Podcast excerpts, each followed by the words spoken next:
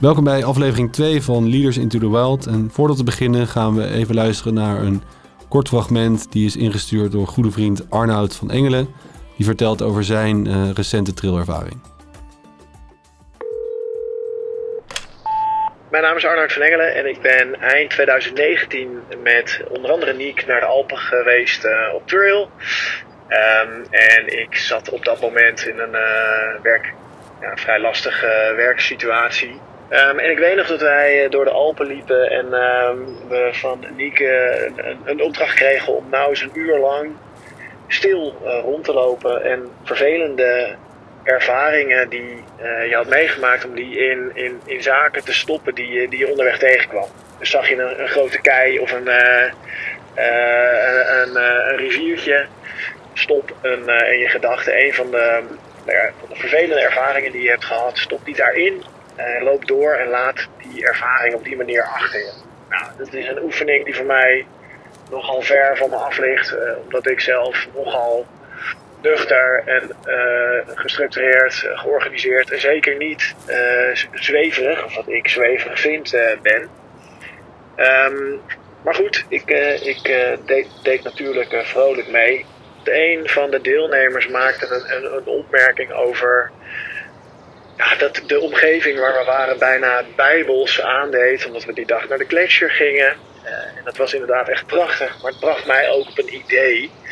Uh, niet, niet, dat ik uh, religieus ben, maar het deed me denken aan ehm, ja, de lijdensweg eigenlijk. en dat in, bracht mij eigenlijk op een, op, op een idee om dat te combineren met de oefening van de dag ervoor.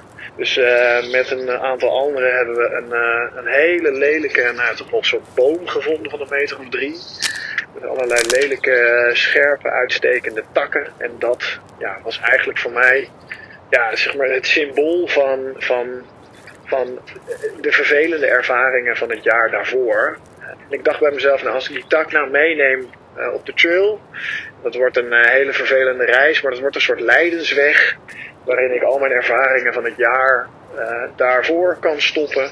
En dan verbrand ik dat ding vanavond op, op het kampvuur. Nou, dus zo gezegd, zo gedaan. Dus ik ben expres een beetje achteraan de groep gaan lopen met, met mijn tak. Op, op chronologische volgorde ben ik, ben ik de ervaringen van het jaar daarvoor afgegaan. En heb die allemaal in mijn gedachten in, in, die, in die tak gestopt. En dat, dat bracht, nou, ik vond het wel een, soort prettige, prettige ervaring om dat gewoon met, met mezelf te doen. Om, om de boel een beetje op een rijtje te zetten. Um, en, en dat voelde, na afloop voelde dat gewoon heel, heel bevrijdend. En ik, uh, ik, ik vond het daardoor echt een hele fijne uh, ervaring. En iets wat ik niet helemaal had verwacht uh, met, met mijn, mijn karakter en persoonlijkheid. Dus um, ja, dat was een mooie ervaring.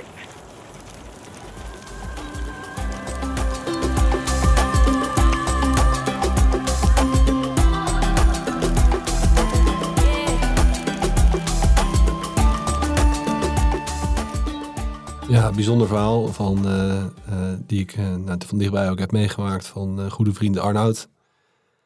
wat de natuur met een mens kan doen. voorafgaand aan de trail vond ik het vooral bij hem wel het meest spannend. Van, joh, hoe gaat hij daarmee om? En halverwege kwam hij naar me toe met, een, met een zacht stemmetje en zei van... je moet de allerlelijkste grootste boom uitvinden... want die staat symbool voor een leidensweg die ik nog moet afmaken. nou ja, het, het verhaal vertelt zichzelf... Uh, en wat we ook verder in deze podcast willen gaan uh, behandelen, Pa. Want uh, door alle positieve reacties die we hebben gehoord, dat heeft ons heel veel moed en energie gegeven om hier vooral mee verder te gaan. Podcast Leaders into the Wild, waar we samen praten over de impact van natuur op leiderschap. Vandaag zullen we het ook hebben over wat die natuur nou betekent voor personen. We hebben de vorige keer kort even een introductie gegeven over peak experiences. Nou, nu merken we eigenlijk dat in het verhaal van Arnoud het een peak experience ook iets kan zijn wat je achter je moet laten. Wat je ook uh, uh, ja, in de natuur een plekje kan geven. En dat het ook weer rust uh, kan brengen in je leven. Nou, hij vertelt ook wat het hem, dat, dat werk ook daarna gebracht heeft.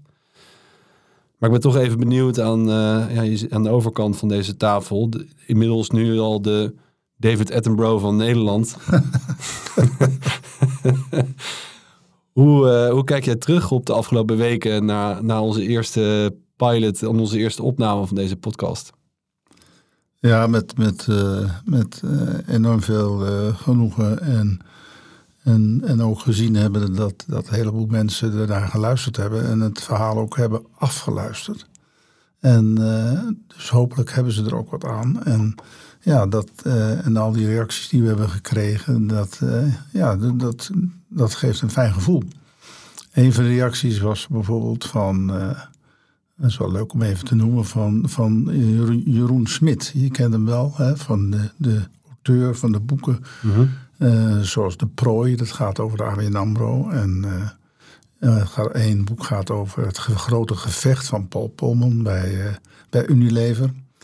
En heeft me een mail gestuurd en, en ja, daarin stond dat hij genoten had van de van de podcast.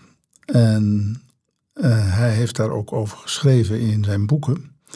Maar het grote verschil, en dat heb ik ook maar teruggemaild, is dat wij uh, in deze trails uh, niet met grote aantallen mensen die elkaar vanuit het werksituatie kennen. En dus oud-zier en nieuw-zier meebrengen. Maar dat het vooral een ja, toch wel kleinere groep is eh, en die eh, niet eh, opgelegd krijgt, je moet de natuur in, maar die dat vanuit hun eigen motivatie graag doen en zeggen van ik wil eens even stilstaan bij mezelf. Wat, wat, wat voor lasten heb ik op mijn rug nog? En met, met welk vizier wil ik de toekomst toetreden? En dat zie je dus ook in, in, in Arnoudsen verhaal dat hij een bepaalde lasten op zijn rug had. Hm. En die wou hij afwerpen. Ja. Dus dat, uh, en daar komt dan, ja, wat je ook zegt, een, een soort, soort piekervaring uit. Hè? Eh, de natuur is dan de spiegel eigenlijk die die piekervaring vormgeeft. En vervolgens ook gaat hij door ja, zeg maar het U-proces heen. Het, het, het, eh, het, het durven loslaten en het, het nieuwe uh, met vertrouwen tegemoet treden. Ja, want vandaag zullen we het inderdaad hebben over de rol van, uh, van natuur. Uh, jij hebt het ook onderzocht in je proefschrift. je noemt het de rol van ecopsychologie. Waar je eigenlijk zegt van joh, het brein heeft een bepaald perceptie van de omgeving. Dat brengt tot een inzicht en uiteindelijk tot een intentie tot verandering. Of misschien tot, ook tot afsluiting, zoals we dat net hebben besproken. Daar gaat je eerste artikel over, wat je hebt gepubliceerd in je proefschrift. En we zullen ook wat dieper ingaan op het, uh, uh, op het trailproces. Wat betekent dat nou? Wat gebeurt er nou eigenlijk? Want we praten er nu wel over, maar het is ook wel goed om even concreet te worden met wat doen we nou eigenlijk tijdens zo'n trail. En je zei ook de vorige keer, er zit ook een heel uh, een hele proces omheen en vooraf en, en, en daarna.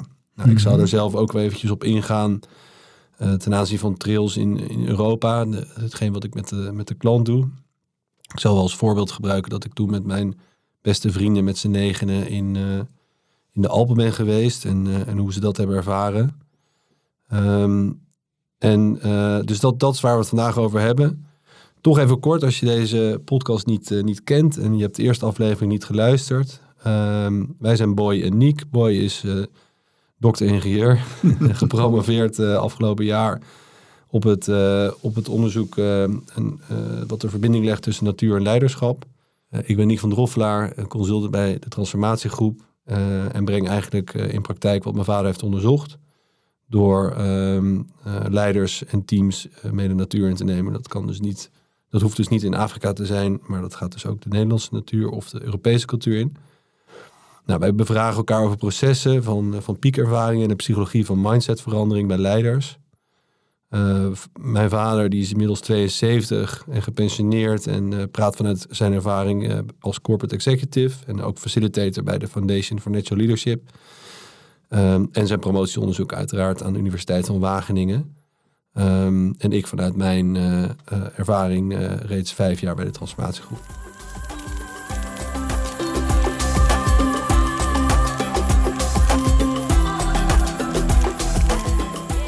Gaan we in op het, uh, op het hoofdonderwerp, Pa. Ja. Dat heb jij natuurlijk voorbereid. Acht jaar lang tijdens je, je onderzoek. eh, eerste vraag, wat, is dan, wat, wat bedoelen we nou met ecopsychologie? Wat is nou wat, er, hè, waar we net, wat ik net zei, wat is dan wat de natuur doet met het brein, waardoor uh, er zoveel gebeurt? Ja, dat, dat, dat is nogal wat wat je vraagt. Maar het, uh, ecopsychologie is een uh, term die gemunt is door ik dacht de wetenschapper Roszak, Ros, ja, R-O-S-Z-A-K, eh, zo schrijf je dat. Uh, in de eind 80 jaren, begin 90 jaren.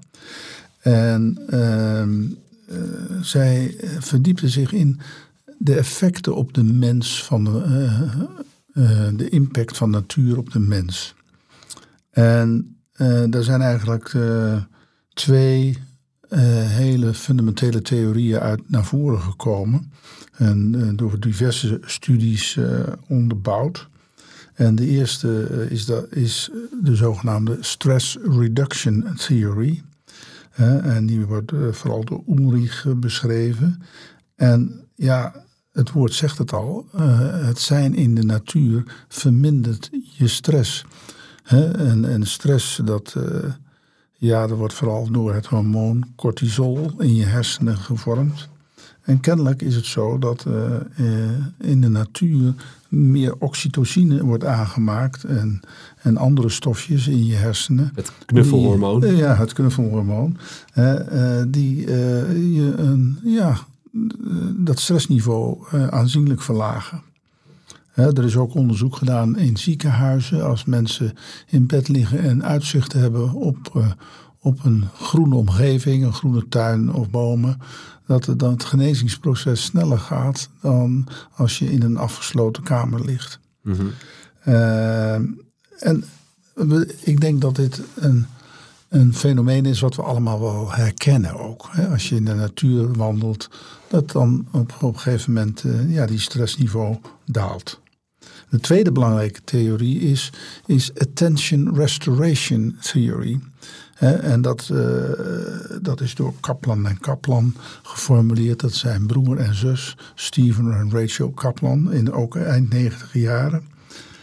En ook dan zegt het woord het al, dat de aandacht wordt weer ja, gerestaureerd, hersteld. Het wil zeggen, je krijgt de boel weer een beetje op een rijtje. Iemand in mijn trail zei van, uh, die ik uh, een keer op een trail heb meegehad. Die, aan het begin van de trail zei hij van, het lijkt wel spaghetti in mijn hoofd. Het loopt allemaal door elkaar. En toen we terug waren, zegt hij, ik heb het allemaal op een rijtje staan. Dus dat zijn theorieën waarvan die, die behoorlijk zijn ondersteund ook door empirisch onderzoek in de ecopsychologie. Maar met name dan is dat onderzoek gedaan naar mensen die, nou laat ik zeggen, een beetje in de knoop zitten. Mensen die delinquent zijn of zijn geweest, uh, mensen die verslaafd zijn. En daar hebben ze allerlei onderzoeken gedaan wat de natuur voor positieve effect heeft. Ja. daarnaast zijn er wel theorieën, maar die zijn meer anekdotisch beschreven. Dat het, de natuur een een, ja, een, een gevoel van well-being, uh, een, een, gevoel van meer zelfbewustzijn, creativiteit, inspiratie oproepen. en daar zijn wetenschappers als Davids en, en Cole en Hall vooral ja, bekend mee geworden. Ehm, wat in dit literatuuroverzichtje uh, misschien wel aardig is om te noemen, dat er nog geen theorie was ontwikkeld of geen, geen echte ja, grondige studies waren gedaan, wat nou het effect is op uh, persoonlijk leiderschap. Mhm. Dus ja, eigenlijk ben ik in dat gat uh, gesprongen, als het ware zo'n zo jaar of acht geleden. En wat grappig genoeg is, toen je ermee kwam, dacht ik wel van ja, dit lijkt bijna gewoon een, een open deur intrappen. Want mensen die zijn, iedereen die zal er mee eens zijn als ze zeggen van ja, weet je, je hebt een veel beter gesprek als je met iemand even een wandeling door de natuur maakt. In plaats van dat je met z'n tweeën achter een bureau zit. Ja. Of althans met, met een bureau ertussen zit. Ehm, sterker nog, ik denk dat door corona, wat ik ook in mijn directe omgeving, maar ook zeker in mijn professionele leven zie, dat met elke versoepeling er meer mensen naar buiten konden, er ook meer mensen buiten gingen wandelen. Uh, collega's die elkaar opzochten en dan de natuur ook gebruikten om daar met elkaar een wandeling te maken. En zeiden van ja, weet je, ik heb daardoor wel veel beter een gesprek kunnen hebben. Je bent meer in verbinding. Ja. Uh, ik, ik, projecteer dat een beetje op de verbinding met, met elkaar. En jij zegt ook, je bent ook meer in verbinding met jezelf. Omdat je je stress verlaagt, je wordt rustiger, je raakt wat minder afgeleid. Misschien het gejaagde van een stad of een dorp of waar je ook woont, dat is er misschien wat vanaf. Um, op een trail zullen we straks nog wel wat dieper op ingaan, maar toch even een um, schot voor de boeg. Uh, vragen wij ook de deelnemers gewoon hun telefoon eens thuis te laten. En een horloge en uh, tablets en devices en weet ik dan allemaal wat je afleidt van het, van het gesprek met elkaar of misschien wellicht met jezelf ja, dat helpt alleen maar om, om meer, wat, wat meer in die reflectiemodus te komen. En het ook wat meer toe te laten. Um, dus nog een stapje, stapje verder in, jouw, in, jouw, in jouw onderzoek. Jij hebt ook 200, toch? Bijna 200 mensen geïnterviewd. Ja, nee, ik heb, de, ik, denk, ik heb ze ook geïnterviewd, maar dat waren er minder. Maar okay. ik heb uh, bijna 200 trailverslagen geanalyseerd. Ja. En uh, die trailverslagen die worden gemaakt uh, direct na de trail. En om mensen nog een keer ook in hun brein te laten processen. Wat heb ik nou echt, echt meegemaakt? Wat is de essentie nou geweest van de afgelopen week? En uh, wat heeft dat voor mij, welke betekenis heeft dat voor mij gehad? En wat wil ik met die betekenis gaan doen? Mm He, welke intenties heb ik? En wat zijn nou mijn eerste stappen om dat uh, in je intenties ook waar te maken? En dat, uh, dat die, die trailverslagen, die, die, ja, die zijn mij ter beschikking gesteld. Ik heb ze uiteraard geanonimiseerd. En hebben mij uh, ja, toch wel groot inzicht gegeven, ook in, in die piekervaringen die mensen beleven in de natuur. En als je die piekervaringen, uh, ja, die, die, komen niet zomaar. Die komen niet met, een, met een flinke Als je even in de natuur bent, dan, dan heb je hem. Daar gaat een soort proces aan vooraf. En dat, dat is ook beschreven door die ecopsychologen, hè, waar we het net over hadden, Kaplan en Kaplan. En die zeggen van, ja, die natuur, die, uh, ja, die zou je moeten, uh, ja, die zou uh, je moeten voorzien van een gevoel van being away. Hè, van echt er even uit zijn. Echt even loslaten van je dagelijks beslommering. Hè. Wat je net ook al zei, van de telefoon, de iPad en, en en, en je horloge en alles. Dus weg van het dagelijkse leven. Het tweede verzet is die fascination. Hè? Dat, dat de natuur zo je het gevoel geeft dat je er echt als het ware helemaal door overrompeld wordt. Mm En dat je er ingezogen wordt. Dat het, de natuur helemaal echt om je heen is. Hè? Dat je ondergedompeld bent in de natuur. En uh, dat geeft dan uh, ja, toch ruimte ook voor reflectie. Het derde is ja, wat je noemt compatibility. Dat je die verbinding met de natuur voelt. Hè, en, en, dat dat een, een, en dat je je op je gemak voelt. Hmm. Hè, uh, tijdens een trail. In het begin is dat nog niet zo, want het is spannend. Hè, want je treedt een heel nieuw, nieuwe wereld als het ware in. Zeker als je daar tussen de, de wilde dieren loopt. Maar na, uh, na een dag of twee krijg je die, die ontspannenheid en die in, in, innerlijke rust komt over je. En uh, voel je juist ook die verbinding met de natuur. Je wordt één met de natuur. Je kijkt niet als subject naar een object wat de natuur is, maar die subject-object-relatie, dat dualisme verdwijnt. Ja. En, en, en de vierde en de laatste is uh, dat Kaplan en Kaplan Extend. En dat, dat staat eigenlijk voor dat je het gevoel hebt dat je tot het grote geheel wordt. dat, dat, uh, en dat, dat, dat grote geheel, dat we ook wel ecosysteem noemen. Ja. En dat, uh, dat jij daar niet als, als mens eh, aan de top als heerser staat, maar dat je onderdeel bent van die natuur en dat alles met elkaar verbonden is. En, en dat dat eh, enorme, ja, een, een enorm gevoel van, van, van, ja, van overzicht, maar tegelijkertijd van nederigheid geeft. Ja. Ja. Dus ja, dat zijn die vier, eh, ja, zeg maar, basale elementen. Ook als je, als je dus een keuze maakt van nou, waar zouden we dan naartoe gaan, dan moet je die vier dingen even in je achterhoofd houden. En zeggen van nou, Qua, qua plek om daar... qua, qua- qua ja, plek, ja. ja. Ja, dan voldoet het daaraan. Want eh, je, je komt in een soort flow eigenlijk en die moet je niet laten verstoren. Dat is jammer. Dat, eh, dat, eh, die moet je laten, dat moet laten groeien.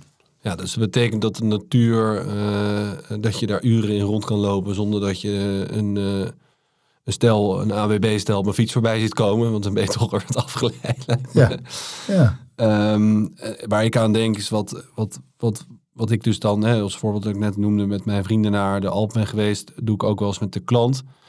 Ehm, waar je dus met een gids een berg beklimt. En wat, wat, wat ik daar ook misschien een klein beetje aan toevoeg, of een onderdeel daarvan is. Wat ik wel heel gaaf vind aan, aan, aan, eh, aan zo'n trail in de Alpen, is dat je ook een bepaalde ja, fysieke uitdaging eh, eh, overwint samen. Weet je, staat aan de voet van een berg. En daar kan je natuurlijk allemaal metaforen bij bedenken die wellicht met je loopbaan of met je, je leven te maken hebben. Of dingen waar je misschien mee worstelt. Maar dat je toch met een, met een groep eh, nou ja, maten die dat al snel worden met elkaar. Iedereen is, hè, je bent toch samen, maar ook weer in je eigen, in je eigen, in je eigen proces. Een, een top beklimt. En dat ook echt als een persoonlijke overwinning kan zien. Als je het met je team doet, of een directieteam is. ehm, en je hebt ook bijvoorbeeld stukken dat je in stilte wandelt. En dan, dan merk je al dat het steeds ook wat makkelijker wordt om een laagje dieper te gaan bij jezelf. Dat het gesprek toch net wat sterker of wat beter wordt. Dat het ook heel gaaf is om met elkaar zo, zo'n ervaring te, te, te mogen meemaken. Ja. Ja, dat is, dat is mooi. Ik bedoel, ook die stiltewandelingen zijn.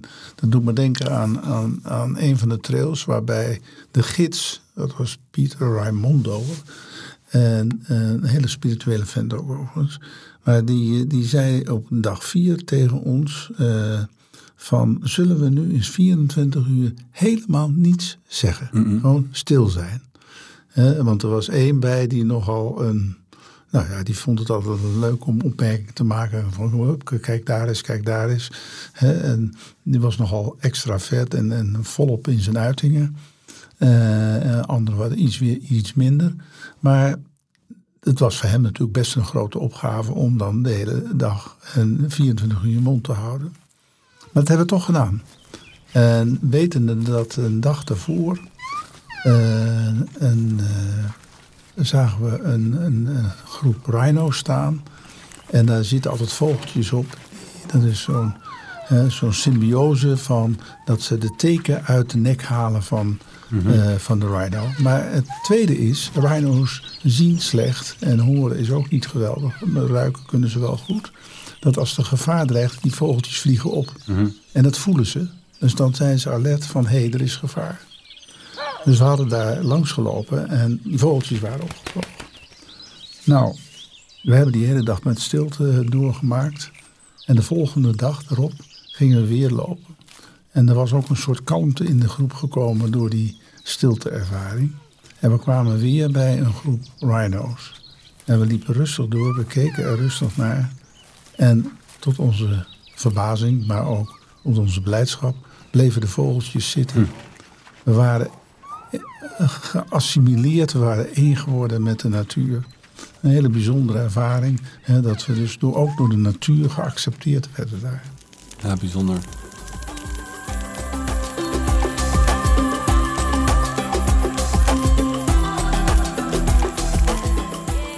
Laten we naar het trailproces gaan. Wat betekent het nou, stel dat iemand eh, zegt van... joh, het lijkt me echt heel tof.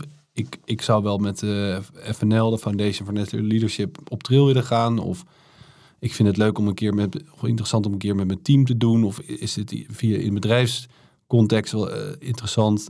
Ehm, maar vertel jij eens, wat, wat, wat komt er dan op iemand af? Waar begint het en waar eindigt het? Ja, eh, het begint natuurlijk dat je, eh, dat je, ja, dat, dat iemand tegen je zegt van, joh, zou je, niet, zou je, niet eens, zou je daar niet eens aan denken? Of, uh, of dat je het zelf ziet op, op, op, op, op, op LinkedIn of op een, wat, een website. En dat het je raakt op de een of andere manier. En je zegt, verrek, dat zou, ik, dat zou ik wel eens willen proberen. Nou, dan ga je een gesprek aan met de facilitator. Mm ik ben zo'n facilitator, maar er zijn er bij de, bij de FNL zijn er, zijn er nog meer, wel een stuk of 20, 30 geloof ik.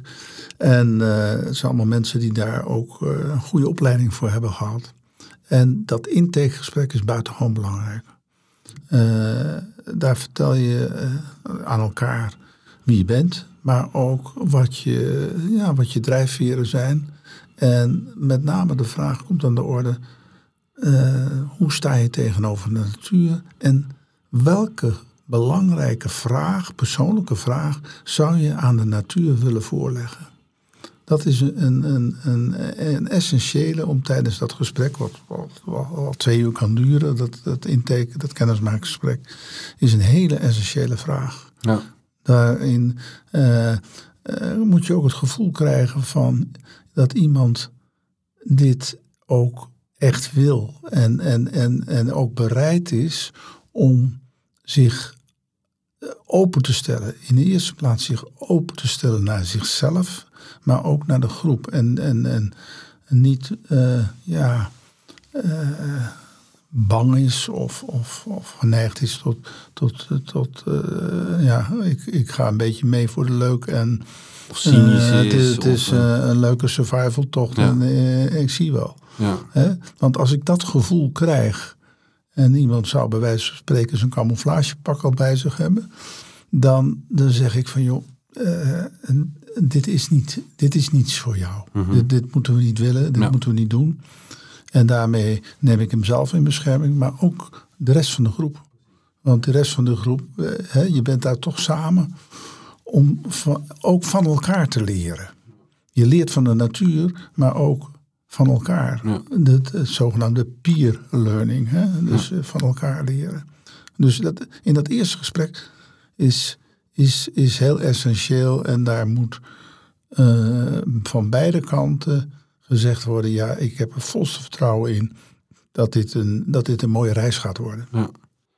ja, mooi dat je het zegt over vertrouwen. Dat is namelijk ook hetgeen wat voor mij het allerbelangrijkste is... wat ik met een team doe van een organisatie of met een groep talenten een, uh, in een talentenprogramma.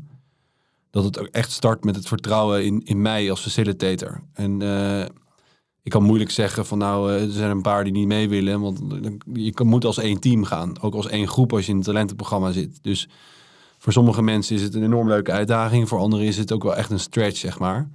Betekent wel dat ik dan extra hard moet werken aan het vertrouwen om, om, om ze mee te krijgen in, in, in, in zo'n ervaring zal het misschien voor de ene net wat impactvoller zijn dan de ander. Maar daarom vind ik het ook mooi om Arnoud als, uh, als voorbeeld aan te halen. Soms kan je ook wel echt enorm verrast worden uh, van, uh, door mensen die je meeneemt. Waarvan je denkt van nou, we hopen dat hij er, hij er iets uithaalt. En in één keer de, de, de grootste ambassadeur is van hetgeen wat je, wat je met hem hebt meegemaakt. Weet je, de, de, de, de, de emoties die hij noemt en hoe hij ook zegt van ja, eigenlijk past het helemaal niet bij mijn karakter. Heeft mij ook verrast. Mm -hmm. um, dan is het intakegesprek geweest en dan uh, stappen we in een vliegtuig of... Nee, nee, nee, nee, nee, nee, wacht even. Dat is nog een, uh, een tweede ding. Uh, de, dat heette de Foundation Dag. Oké. Okay. En dan komt de groep, bij de FNL is dat dan. Hè? Bij, bij, als je bedrijven, dan ken je elkaar. Ja. Maar bij de Foundation groep ken de Foundation voor Natural Leadership. En dan gaan de deelnemers die je als facilitator bij elkaar hebt gekregen, die kennen elkaar onderling nog niet. En dan is er een eerste dag ergens in Hilversum op, ergens op de Heip, een leuke plek waar je ook de natuur in kunt. Is er, komen ze het eerst samen en dan is het uiteraard kennismaken, maar ook aan elkaar vertellen van, nou wat is jouw intentie? -huh. Wat, met, met, welke, met welke persoonlijke vraag gaat ieder op stap? Uh, en en daar staan we dan uitgebreid bij stil. En we leren ook de mensen dan omgaan met de Indian Talking Stick. En een geweldig middel om echt naar elkaar te luisteren. Eh, en en, en eh, de aandacht te hebben voor elkaar met een zuivere intentie. En dat eh, gedurende de dag ontstaat dan al een, die, wat jij nou noemt terecht, die vertrouwensbasis. Daar wordt de kiem gelegd voor die vertrouwensbasis. Mhm. En uiteraard komen er dan wat praktische punten aan de orde. Wat, wat neem je wel mee, wat neem je niet mee? want je moet het allemaal op je rug dragen. Dus mensen hebben de neiging om altijd zoveel mogelijk mee te nemen. En dan is er altijd de vraag niet wat, wat, wat wil je nou, maar wat heb je nou echt nodig? Ja. En denk daar eens over na. Wat heb je nu echt nodig om te zijn daar in de natuur? Goede schoenen. Goede schoenen. niet, niet degene die je een paar jaar op zolder hebt liggen. Want ik neem altijd extra een rolletje duct tape mee. En uh, daar kom je ook niet ver mee, kan ik je vertellen. Ja. ja, goede schoenen, een tandenborstel, twee onderbroeken. En uh, nou, that's it, zo'n beetje. Mijn moeder is altijd blij met de was als thuis komt en een verwilderde man met een baard. Ja. Die twee weken lang heel rustig praat.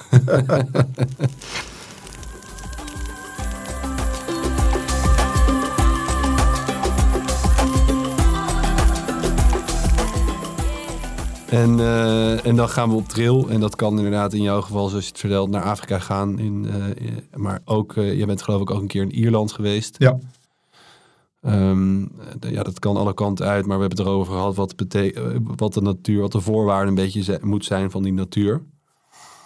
Um, dus geloof ik ook een ritueel als je de natuur intreedt. Ja, nee, kijk, als we dus aan, ik neem maar even het voorbeeld van Afrika. Hè, als we daar aankomen in Durban, dan staan de gids daar te wachten op, het vliegveld. En daar maken we kennis mee. Er staat, staat een busje uh, uh, met een aanhangwagen. Daar, daar zitten al de backpacks in. En dan staat er iemand van de organisatie daar met een grote tas en dan wordt alles ingeleverd. En al, met alles bedoel ik je telefoon, uh, je paspoort, uh, je, je, horloge, uh, nou, even, eventuele iPad en weet ik veel wat, wat je allemaal aan elektronica bij je hebt. wat herinnert aan de westerse wereld, gaat in een grote tas. Hmm. En die, de organisatie die is daar heel zorgvuldig mee, die bergt het op in een kluis en dat krijg je weer terug als je weer vertrekt. Maar dat is wel een heel. Eh, ja, eh, voor sommige mensen, ik heb er niet zoveel moeite mee, maar voor sommige mensen is het net alsof je een navelstreng doorknipt. Ja, De verbinding naar huis wordt verbroken. Hè. Hè, iedereen, bedoel, die telefoon die eh, als het ware aan dat oor kleeft, hè, dat, dat, dat, ja, dat, daar wordt afstand van gedaan. Dus dat is, ja, dat is best een, een, een belangrijk moment. Eh, het antwoord op de vraag van, joh, is je telefoon wel aan? Want er is altijd één nummer. Uh, en dat is dan mijn nummer voor, voor als er thuis echt iets is. Tuurlijk. Heb je wel bereik en weet ik het normaal, die heb ik best wel vaak moeten beantwoorden. Nee, de gidsen hebben onderin hun, hun uh, backpack hebben ze een satelliettelefoon. Precies, dus mocht, wat, mocht er wat ongeluk gebeuren, nou, het is nog nooit wat gebeurd gelukkig, maar mocht dat gebeuren, dan is de bereikbaarheid en dat is over en weer. Hè. Er, zijn, er wordt thuis altijd een keurig krijgt iedereen een formulier. Uh, mocht er een calamiteit te zijn, dan kunnen ze dat bellen. En dan wordt er direct contact opgenomen. Dus dat is, en, en, eventueel kan het met een helikopter opgehaald worden. En, en, en uh, wordt mensen teruggebracht. Dus dat, uh, dat is allemaal wel safe en in orde. Ja. Maar een belangrijk moment daarna, wat dat vind ik ook wel leuk om te vertellen, dat in dat busje rijden we nog vijf uur voordat je bij de Umgolozi wildernis bent. Ja. En dan ja, dan, dan kunnen ze niet meer op die telefoon kijken. Maar dan, het zijn natuurlijk allemaal maar en, en de, uh, mannen en vrouwen. Ik, ik ben meestal met, met mannen weg geweest. Maar je merkt dan toch nog wel eventjes uh, uh, dat ze elkaar de maat nemen. Een beetje stoere verhalen, een beetje van die corporate verhalen die je dan over en weer krijgt. Maar hoe meer we uit de urban omgeving raken, hoe meer we in de wildernis komen, hoe stiller ze worden. Mm. En dan gaan ze toch niet kijken van verrek, hé, hey, nou, nou gaat het gebeuren, weet je wel, nu, komen we eraan. Nou, dan overnachten we in een hele eenvoudige lodge, heel sober, om de overgang te maken naar de volgende dag, waar de backpacks klaar liggen. En die backpacks, daar, uh, dat hebben de gidsen uh, keurig verzorgd. Daar zit een slaapzak, die ligt ernaast. En er liggen foodbags, hè? dus uh, tasjes met, met voedsel voor de week. Het kunnen uien zijn, paprika's, noem het op, blikjes met, met, met, met kip, nou, noem het maar op, brood, kaas en alles. En, en, en twee, twee pannen en een keteltje en een tripod voor het vuurtje. En waar je de, boven het vuurtje kunt zetten. En dat alles moet verdeeld worden over die backpacks. En dan blijft er nog maar een heel klein compartimentje over. Nou, ongeveer 20 bij, bij 10 bij 10. En daar moeten dan je persoonlijke spullen in. Dus die tandenborstel. En die twee onderbroeken. die twee onderbroeken. Nou, en je sandalen. Want dus als je de hele dag op die dichte schoenen hebt gelopen... is het wel fijn om een paar van die, van die, uh, van die rubberen sandalen te hebben. Dan kun je er s'avonds op lopen. En die kun je aan de backpack laten bungelen. Nou, die pannen erop. Uh, het matje uh, in je slaapzak in een plastic zak gewikkeld. En dan in de backpack, want mocht je in de rivier omvallen, dat je slaapzak niet nat wordt. Ja. dus uh, er wordt overal goed over nagedacht. En het zijn ook allemaal leerprocessen. Allemaal prachtige leerprocesjes. En dan uh, is, gaat die 17 kilo wordt op de rug gehezen. En dan gaan we lopen. Ja. En dan is het een heel prachtig ritueel, want daar doelde je op. Is dan uh, wat we noemen dan in Zulu Indaba in dan uh, is het dus op de rand van de wildernis. We zijn eigenlijk al een pak een beet 50, 100 meter in de wildernis. En dat je helemaal omsloten wordt uh, door die natuur. Gaan we zitten in een kring. En dan de gids die vertelt dan, in dit geval Ian of Rodney of Zondi, die vertelt dan ja, de veiligheidsvoorschriften. Heeft ons een goede briefing hoe we moeten reageren, hoe we moeten lopen, hoe we in stilte lopen achter elkaar. Uh, welke zintuigen zij gebruiken voornamelijk en dat we daarom stil moeten zijn. Want het zicht is natuurlijk niet zo ver in die bush, maar mm. je moet toch weer uh, andere zintuigen gebruiken dan normaal. We zijn gewend om altijd naar het zicht alleen maar te gebruiken. We kijken naar beeldschermen, we kijken naar uh, Excel-sheets en weet ik veel wat. Maar in de natuur is het zicht maar beperkt, omdat je, uh, je loopt in thick bush. Ja. En, dat, uh, en dan moet je dus ook het, het geluid, de, de geuren en dergelijke. Dus je zintuigen gaan alerter staan. Die staan meer open. Dat is een heel belangrijk proces ook. En daar vertellen ze dan over. en dan is prachtig een uh, even in stilte een soort gebed doen naar hun voorouders. En vragen hun voorouders dan of zij willen waken dat wij in veiligheid door de wildernis kunnen wandelen. En dat is een heel mooi proces. Heel, heel, van, heel erg van onder de indruk. En dan, nou ja, dan gaan we lopen. Ja. Bijzonder. En ik, je hebt me ook wel eens verteld dat een van de belangrijkste zintuigen die zij noemen dan is intuïtie. Ja, ja, dat is een mooi verhaal. Ik, ik werd op een, een, een, een, een nacht eh, of een ochtend wakker en Zondi, een Zulu, uh, geweldige vriend van me hoorde, die, die was een beetje verkouden. En hij zat zo in zijn slaapzak een beetje in elkaar gedoken te hoesten. En, en, en ik zei, hey Zondi, how are you? Oh, oh, oh, oh I'm, I'm fine. een beetje wel zo. En hij zei, can I ask you a question? And of course. Ik zeg, wat in, de, uh, in, rangvolgorde zijn nou jouw belangrijkste zintuigen? En ik dacht van nou, ik kom met zien, in mijn naïviteit nog steeds. Dan horen, dan ruiken en ja, dat tastzin nog misschien nog even. En, uh, en hij, zei, hij dacht even na en hij zei, intuition first. En toen ruiken, horen, zien. Dat was zijn volgorde in de, in de wildernis. Wat een geweldige openbaring voor me. Prachtig, ja. Ja, bijzonder. We zullen uh, de volgende aflevering iets meer ook verder ingaan op wat er tijdens zo'n trail dag voor dag gebeurt. Wat een council is. Je hebt al iets verteld over de talking stick, maar kunnen we daar ook wel even wat verder op ingaan. En ook even de connectie maken met leiderschap. Ehm, we beginnen dan met een prachtige introductie van, uh, van Annelies. Die een mooi verhaal vertelt over wat natuur voor haar heeft betekend in haar huidige rol in het professionele leven. En vandaag hebben we het gehad over de natuur en de rol van ecopsychologie. Nou, je hebt een prachtige referentielijst uh, meegenomen met, uh, met, met onderzoek waar jij eigenlijk op ver, verder gebouwd hebt. Ik, ik noemde dat uh, oneerbiedig in de open deur intrappen, omdat iedereen wel het idee heeft, ja, de natuur doet gewoon heel erg veel voor ons. En jij hebt dat eigenlijk gewoon bewezen. Daar hebben we het vandaag ook verder over gehad.